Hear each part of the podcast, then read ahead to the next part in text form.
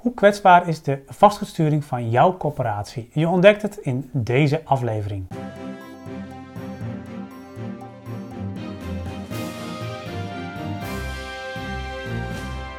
Uit ons onderzoek blijkt dat minimaal twee derde van de corporaties dit niet goed voor elkaar heeft.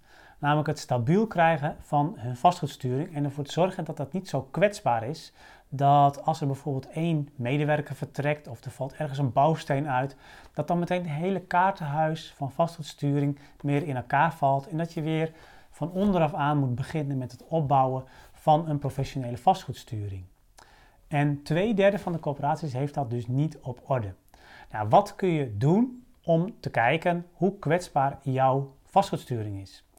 Nou, waar je in ieder geval niet van kunt uitgaan, is dat op het moment dat je al net een mooi portefeuilleplan hebt geschreven, mooie wensportefeuille, goed onderbouwd, en je hebt het vertaald naar uh, goede complexstrategieën met alles erop en eraan, alle mitsen en maren die erin zitten, alle uh, onderwerpen integraal afgewogen, dan kun je er nog niet van uitgaan dat dat al een stabiel geheel is. Het is natuurlijk een hele mooie stap als je dat hebt. Dus uh, daarmee ben je ook al best wel uh, goed bezig als je kijkt naar nog weer andere corporaties. Maar het is nog niet stabiel. En hoe zorg je er nou voor dat dat echt een stabiel proces wordt? Uh, zodat op het moment dat bijvoorbeeld iemand vertrekt, of dat er een, een, een, incident is, of dat er iets is wat jouw aandacht vraagt als corporatie, waardoor je minder tijd misschien hebt voor, uh, voor vastgoedsturing, dat dat toch gewoon goed op de kaart blijft staan en dat het niet meteen als een kaartenhuis weer in elkaar stort. Eigenlijk de belangrijkste stap die je daarvoor moet nemen is ervoor zorgen dat vastgoedsturing echt helemaal ingebakken zit in de processen die je in het jaar als corporatie doormaakt. dus eigenlijk moet het in je jaarcyclus zitten, om het zo maar te zeggen. Nou, hoe kun je daar daarmee aan de slag gaan? Uh, de eerste stap is om echt te zorgen dat de vastgoedsturing goed in de jaarcyclus verankerd is. En dat betekent dat je gaat redeneren vanaf het moment dat je de jaarlijks de eerste input maakt, of de, bijvoorbeeld een kaderbrief opstelt voor de nieuwe begroting, voor de nieuwe meerjarenbegroting en je investeringsplanning. Vanaf dat moment ga je terugrekenen van welke stappen moet ik dan zetten in mijn vastgoedsturing om ervoor te zorgen dat er uh, een goed portefeuilleplan ligt, een actueel portefeuilleplan en dat er ook actuele complexstrategieën zijn voor de hele voorraad. Dat die elk jaar, dat ik daar uh, op het moment dat ik met de begroting aan de slag ga, dat ik daarvan op aan kan dat dat goede input is. En dat is natuurlijk sowieso heel belangrijk, omdat een heel groot deel van je begroting uh, ja, voortkomt uit je portefeuille asset management, uit je vastgoedsturing. Dus dat is eigenlijk de eerste stap. Dus ga terugrekenen vanaf dat moment, naar welke stappen moet ik dan zetten. Um, dus wanneer moet ik dan de complexstrategieën af hebben? En voordat je complexstrategieën kunt maken, wil je natuurlijk ook weten wat de richting voor de portefeuille als geheel is. Dus wanneer moet ik dan ook mijn portefeuilleplan actualiseren? En wanneer moet ik dan ook zorgen dat ik weer voldoende inzicht heb in het werkgebied, in de nieuwe trends die er spelen, zodat ik kan afwegen of mijn portefeuilleplan nog up-to-date is of dat ik misschien op onderdelen dat moet gaan aanpassen. Dus dat is de eerste stap die je kunt zetten om het echt in de jaarcyclus te verankeren. Eigenlijk een tweede stap die je moet zetten om het echt stabiel te krijgen en minder kwetsbaar te maken, is dat je dat proces een aantal jaren moet doorlopen.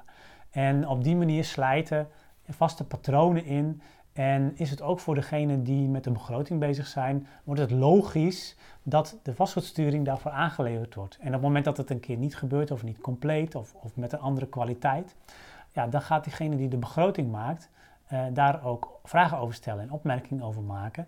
En die zorgt er daarmee dus mede voor dat die vastgoedsturing op een kwalitatief goed en hoog niveau blijft. Nou, op het moment dat je een aantal keer die jaarcyclus hebt doorlopen op die manier en um, je hebt dan een aantal keer dus jaarlijks gekeken van oké, hoe zorg ik ervoor dat in mijn vastgoedsturing de informatie zo actualiseer dat het helemaal top is op het moment dat ik het voor de begroting moet aanleveren.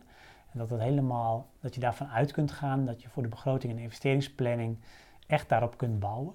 Eh, dan zul je zien dat die processen steeds meer inslijten en dat het steeds logischer wordt om dat elke keer te doen. Dat het ook steeds makkelijker wordt om dat jaarlijks te actualiseren, dat het steeds minder tijd gaat kosten en dat er steeds meer mensen bij betrokken raken. Bijvoorbeeld mensen die de data aanleveren, eh, mensen die er in de uitvoering uh, op verder bouwen, ook nadat de begroting is vastgesteld, bijvoorbeeld ook in projecten.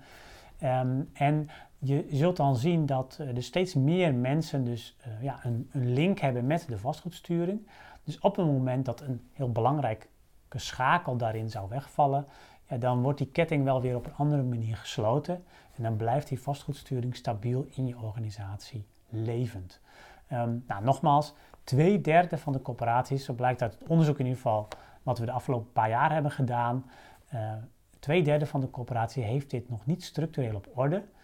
Dus ga daarmee aan de slag. Zorg dat je echt jaarlijks naar je vastgoedsturing kijkt en naar alle onderdelen van je vastgoedsturing kijkt. En zorg dat je elk jaar, op het moment dat je met de kaderbrief of met de input voor een nieuwe begroting aan de slag gaat, dat je dan een compleet geactualiseerd en uh, ook weer elk jaar weer een stukje beter, een stukje meer verdiept uh, portefeuilleplan en complexstrategieën hebt die uh, richting geven voor de begroting. Deze podcast is een bewerking van een video en in de video verwijs ik ook naar voorbeelden die op dat moment in beeld zijn. Deze kun je terugvinden op onze website www.corporatiestratege.nl. En als je dan helemaal onderaan de pagina de titel van deze podcast invoert, dan kom je op de bijbehorende blog en daar vind je ook de voorbeelden die ik noem.